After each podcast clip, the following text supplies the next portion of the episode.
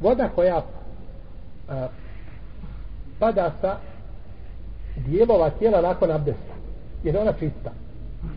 Čovjek se abdesti i ruka mu i lica čisto. Nema nečistoće na tijelu, pa se abdesti.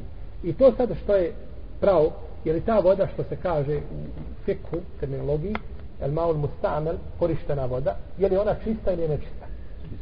Ona je čista. U svakom slučaju, tu postoji, znači, razilaženje među islamskim učenjacima. Kažemo ona ako Bog da čista, dok ne promijeni šta? Jedno tri svojstva. To je pravilo koje vrijedi ovaj za ostaje znači čista i može biti znači i u jednoj čisteća. Pa znači kad neko uzeo abdest jednom vodom, mogo bi se taj abdest šta ponoviti dugi čovjek recimo da nema vode, nestašta vode i tako dalje. Mi to danas ne osjetimo. Ovaj. Jednostavno živimo u takvom vremenu i Allahom je blagodatima u kojima čovjek ne osjeti nestašicu. Ni vode, ni hrane, ni ničega. Dok nekada znači u u vreme onih koji su bili bolji od nas, oni su osjetili ta iskušenja.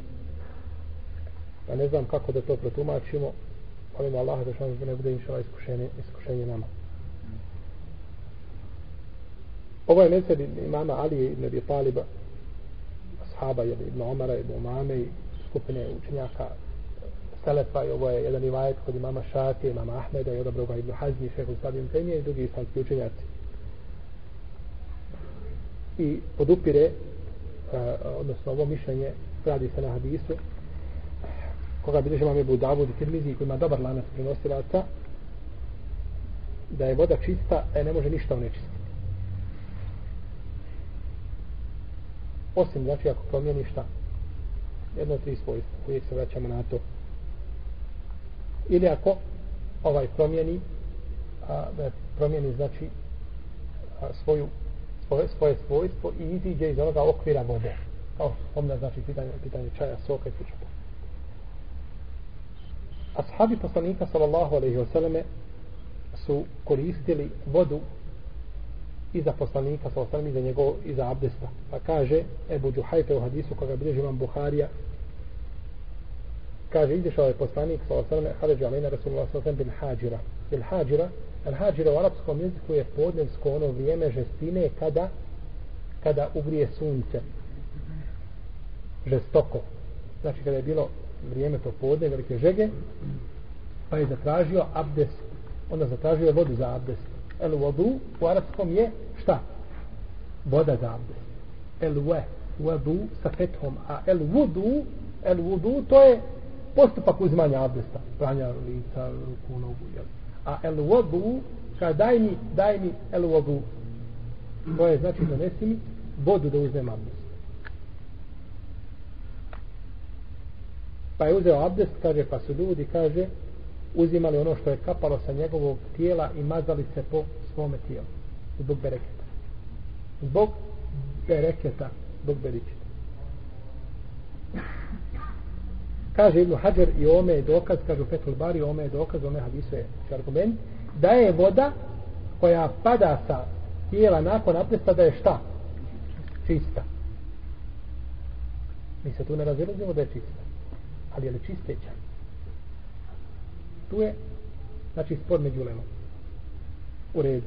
U drugoj predaji kaže Ebu Musa, Musa uh, Lešari,